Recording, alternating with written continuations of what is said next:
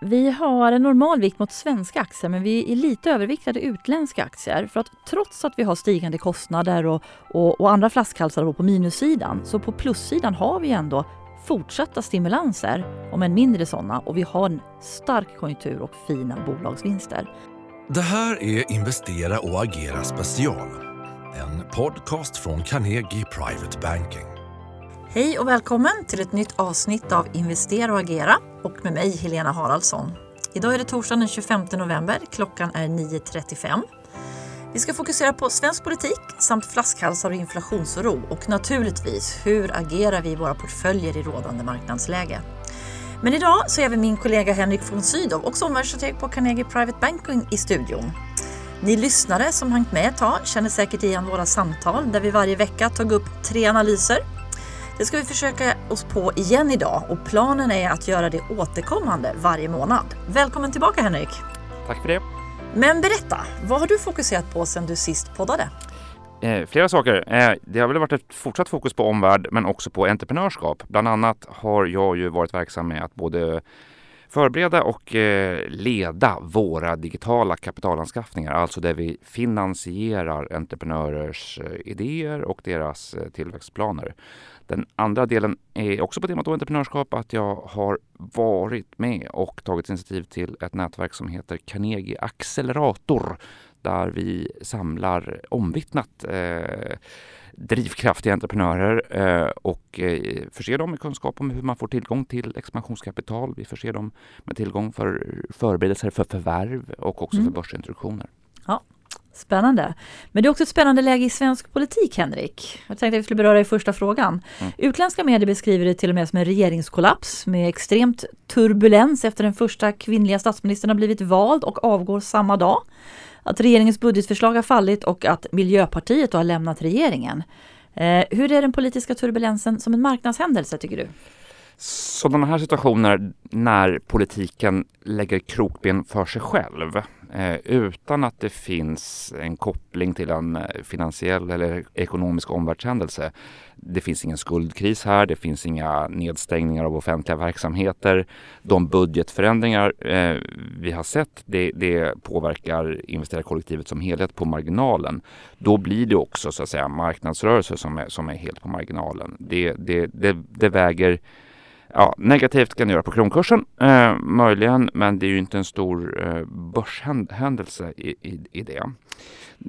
Det man däremot kan säga är att jag tycker att det blir tydligt att Sverige hamnar i ett mer besvärligt politiskt läge. Eh, det blir belyst att vi har svaga regeringar som har väldigt svårt att få sina budgetar mm. igenom. Det är många partier i riksdagen. Det är väldigt fragmenterad risk, eh, riksdag. Så att jag tror att den här frågan om eh, hur och kan Sverige styras kommer ställas fler gånger. Man kan varna för en italienisering av det svenska politiska läget. Jag tror, så här, eh, ska man säga också, på kort sikt eh, så är det här en begränsad händelse. Men på längre sikt, om man tittar då tio månader framåt valhändelsen, ja, då är det ju mer som står på spel för, för investerare. Då har vi ju tillsammans med den här fragmenteringen har vi också en polarisering och då kommer ju förslag om till exempel skärpta kapitalskatter, eh, vinstförbud men också eh, ja, näringslivs och energipolitik med bäring på grön omställning där det står mycket på spel för, för eh, näringsliv och investerare. Om vi tittar på den riktigt korta sikten då, får Sverige en regering? Eh, ja, eh, man, vi ska nog räkna med att Magdalena Andersson får en ny chans eh, nästa vecka. Man kan notera att det var ju en, hon blev ju vald som statsminister i, på onsdag morgon med minsta möjliga marginal. 174 röstade, röstade emot henne. Är det 175, ja då blir hon inte vald för då är det en majoritet i riksdagen som säger emot henne. Men så utgår från att hon ändå blir vald skulle jag säga att Sverige får då, eh, vi går från egentligen en svag minoritetsregering till en ännu mindre eh, minoritetsregering. Ehm, ja, det där kan väl öppna upp för, det kan möjligen påverka en del tillståndsbeslut med bäring på gruvnäringen i norra Sverige. Ehm, det öppnar möjligen upp för en del kompromisser mellan S och M i migrationspolitik och kriminalpolitik om man får triggers, omvärldshändelser för det. Mm. Eh, om det var på kort sikt då, hur påverkas den längre dynamiken i svensk politik? En, ett skifte från gårdagen är väl att nu är alla partier mer eh, fria i bemärkelsen att det finns ingen regeringskoalition längre. Eh, det finns sedan tidigare då in, inget januariavtal. Så det är egentligen åtta partier som går till val eh, med egna, egna valprogram. Och det där är väl ett skifte. Alla är nu friare i sina roller som partier med tio månader kvar till, till, till valet. Eh, jag får ibland frågan vem som blir statsminister eh, om tio månader. Jag tycker att det är ett historiskt helt öppet läge i, i svensk politik. Verkligen öppet. Det är flera osäkerhetsfaktorer. Dels det här förstås då med 4 spärren men också att det är så många relationsfrågor mellan partierna som är uppenbart olösta. Eh, det är en gravitation mot två sfärer eller två block. Men vilka partier som ska ingå i regering, hur samarbetet ska se ut och förstås vad blir output i sak som ju verkligen spelar roll för investerare? Det är oklart. Och apropå investerare då Henrik, vad tror du de lärde sig av gårdagen? Ja, bra fråga det där. Um, dels avsaknaden av, alltså det är ett kvitto på avsaknaden av stabilitet och förutsägbarhet i svensk finanspolitik. Att vi kan ha budgetomröstningar där utfallet blir klart först på voteringsdagen. Det, det sticker ut, det kanske är det nya normala, men det eh, gör det svårt Eh, det är ett kvitto på hur svårt det är för regeringen att få igenom budgetar. Det är ett kvitto på hur svårt det kommer vara, oavsett vem som blir statsminister, att få igenom strukturreformer eh, med det här parlamentariska läget. Och också, jag tror man ska vara vaksam på det, att finanspolitiska ramverket, det är väl den andra takeawayen, men anknytning till det här, det luckras gradvis upp. Det som har varit så viktigt på finansiella marknader, på temat italienisering, som jag nämnde, det luckras gradvis upp. Röstningsbeteenden förändras. Vi är nu rätt långt ifrån det, de, eh, den praxis som man hade efter finanskrisen på 90-talet. Eh, den tredje saken har vi möjligen bäring på pensionsfrågan som kommer nog bli stor framåt. Utgår från att vi kommer se ehm, eh, stora pensionsreformer. Pensionsgruppen kommer tvingas röra på sig och göra förändringar eller att pensionerna blir en stor valfråga. Mm.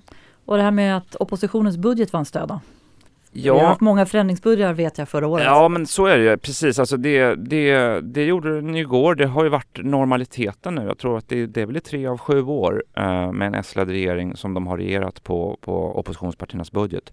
Återigen då, poängen är att jag tror att situationen kan vara eh, densamma eh, om det är eh, en moderatledare som sitter. Det är svårt att få sin budget igenom. Det är lättare, det har blivit mycket lättare för oppositionen att rycka och riva i budgeten. Säkert vår ändringsbudgeten.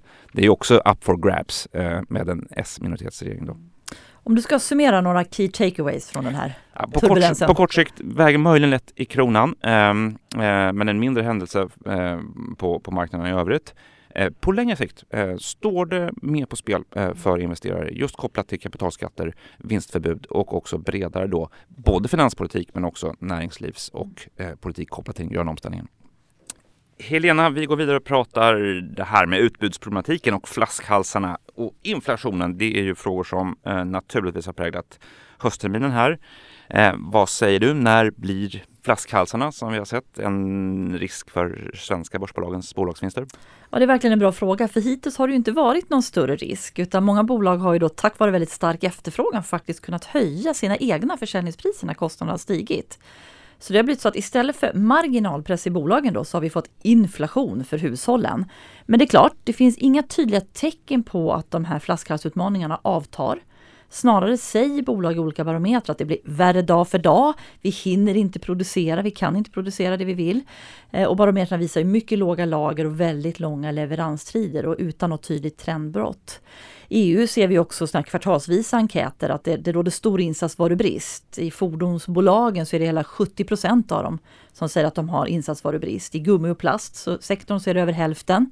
Och många branscher så är det faktiskt mer än fyra av tio bolag som har brist. Mm. Väldigt få undantag. Eh, tittar vi historiskt så har det ju varit så att bra konjunktur har ofta inneburit bra lönsamhet och marginaler. Eh, och det har ju betytt då att stigande inflation har gått hand i hand med stigande bolagsvinster. Eh, och det enda det visar egentligen är att det är efterfrågan som är den, den, viktigaste faktorn för vinsterna. Så risken nu det är väl om vi får fallande försäljning när producentpriserna är så pass mycket högre än konsumentpriserna. Mm, så att flaskhalsarna är, eh, problemen är tilltagande. De mm. bedöms väl då gradvis ebba ut under 2022. Mm. vill du utveckla och resonera om samspelet mellan det där och inflationsuppgången? Ja, eh, centralbankerna på sina håll hävdar ju fortfarande att den är temporär, men jag tycker ändå att det lägret krymper ganska snabbt. En del är såklart temporärt, men inflationen den är väldigt hög och uppgången är faktiskt bred, framförallt i USA. Och det betyder bara att det är prisuppgång på väldigt många olika varugrupper. Tittar vi på nivåer så är ju konsumentprisinflationen i USA nu faktiskt 6% Det är den högsta på, på 31 år, alltså tre decennier. Den är 4,5 i Tyskland, den är 4 i Storbritannien, den är 3% i Sverige och allt det här är då klart högre än centralbankernas mål som ligger på 2 eh, Det intressanta det är väl då att centralbankerna mot bakgrund av flaskhalsar och inflationskrav tagit en ny ton. Framförallt Fed, de erkänner att de ser inflationsrisker. Eh, de har inlett nedtrappningen av stimulanserna, eller gör det nu här i november. Vissa centralbanker har ju höjt. Norge en gång, Nya Zeeland. Eh, Sydkorea och så vidare. Och Storbritannien då som kanske första G7-land höjer nog i december. Men du sa ju koppling flaskhalsar inflation. Det som bekymrar mig mer än flaskhalsarna när det gäller bestående hög inflation, det är faktiskt att lönerna har börjat accelerera. Eh, företag skriker efter personal och behöver öka kompensationen. Det andra är faktiskt att energiomställningen som världen gör, den är nödvändig men den kan ge dyrare el och, och drivmedel. Då, då.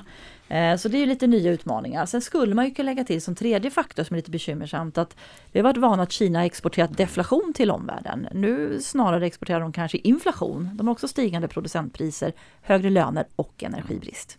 Eh, jag vill ha svar på vart räntorna ska ta vägen, men först mm. kommentera då en nyhet i veckan här. Vad betyder det att eh, Jay Powell, eh, Fed-chefen, nu fick till sist då förlängt mandat av, av, av, Biden. Han stannar som chef för amerikanska centralbanken. Vad betyder det för marknaden? Ja, beslutet dröjde, men det är väl eh, lite tecken på stabiliteten då. Marknaden känner honom. Eh, favoritkonkurrenten eller utmanaren då, Lail Brainard, hon blir ju vice Fed-chef. Och många tror att hon kan vara lite mer pigg på reglering kanske av finansmarknader och finansiella institut och det återstår att se. Eh, men det viktiga beslutet, och det tycker jag är viktigt att komma ihåg, det var att fasa ut stimulanserna. Det beslutet var ju redan taget innan den här omnomineringen från Biden. Då. Eh, och det är klart att inflationsriskerna kan snabba på den här eh, tapering som man då kallar utfasningsprocessen. Så att Fed får lite mer flexibilitet när de vill agera med räntehöjningar. Men det här hade varit en, en, en nyckelfråga oavsett Fed-chef. Mm. Och, och vart tar amerikanska räntor vägen? Ja, då var det intressant att protokollet från Fed igår Eh, säger att de är oroliga för att inflationen kan vara ihållare och bred så de öppnar upp för lite snabbare tapering och kanske därmed också då tidigare räntehöjning. Så svaret blir ju att räntorna ska upp. Gapet mellan obligationsräntor och underliggande inflation är unikt stort. Eh, man kan väl också påminna om att nu tror ju marknaden, till skillnad från årsskiftet då man inte såg någon räntehöjning under ens 23. Mm. Nu tror man första kommer till sommaren 22. Mm. Man höjer totalt tre gånger under hösten 22 mm. och totalt nästan sex gånger då fram till slutet av 23. Mm. Så korta obligationsräntor, de har faktiskt redan börjat stiga lite mer än de här långa då. Mm. En tioårsränta är ju fortfarande bara 1,65 mm. så att upp. Jätteintressant. Bara en kort kommentar. Du nämnde protokollet. Eh, har vi en mer splittrad Fed-direktion nu?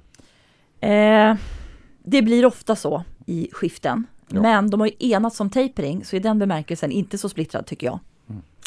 Irena, i den här miljön som du beskriver, eh, vill du resonera hur vi ser på eh, börsen och svenska börsen som är upp över 30 procent i år.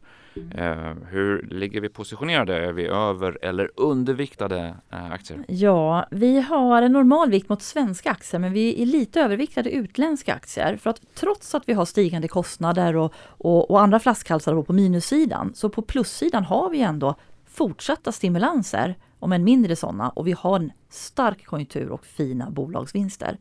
Sen är det också så att den här svagare kronan, 7% ner mot dollarn bara under november, det gynnar ju också vår övervikt mot utländska aktier då, då och visar att dollarn är ett ganska bra skydd i portföljen i lite oroligare tider. Mm. Men då vi tror på inflation eh, och högre obligationsräntor, det vill säga fallande obligationspriser, så är vi underviktade räntebärande investeringar. Mm. Eh, inflation som vi har talat om i tidigare poddar, det är ju skäl att ha till exempel råvaror och råvaruproducenter i portföljen. Mm. Kanske också realtillgångar som fastigheter och infrastruktur med skyddade intäkter, eller inflationsskyddade intäkter. Men också bolag som kan höja sina priser, marknadsledare brukar bli vinnare. Du frågar om ränteuppgång, vi tror ju på det. Eh, ska man översätta det till börsen så finns det väl en sektor som ofta får medvind och det är bankaktier. Motvind tror jag vi främst kommer se i högt värderade förhoppningsbolag, men kanske också lite tuffare för eh, techsektorn brett om ränteläget stiger ytterligare. Mm. På det temat vill du resonera lite grann om den klassiska frågan, eviga frågan. Mm. Eh, fördel team värde eller team tillväxt?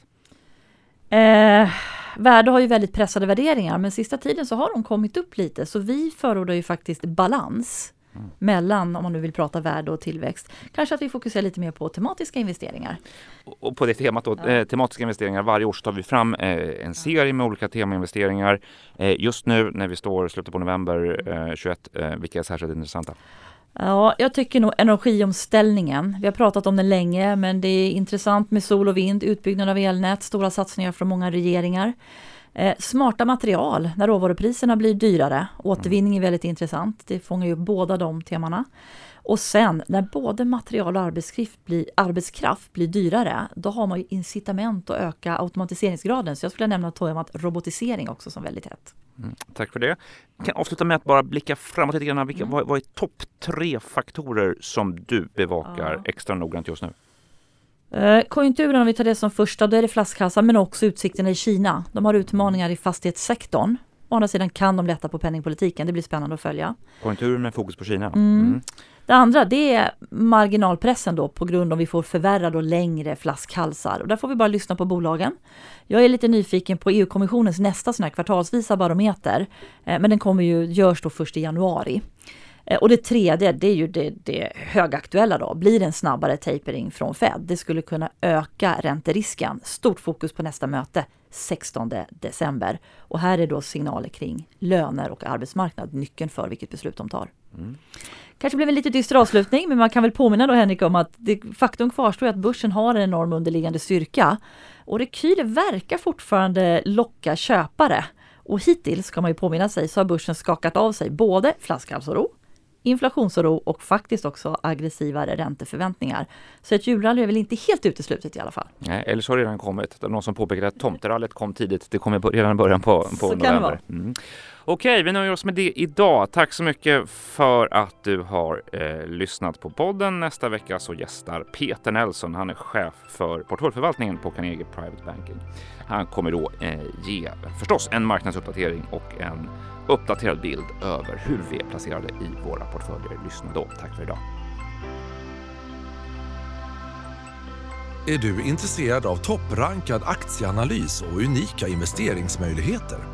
Gå in på carnegie.se privatebanking och lär dig mer om vad du får som private banking-kund hos oss.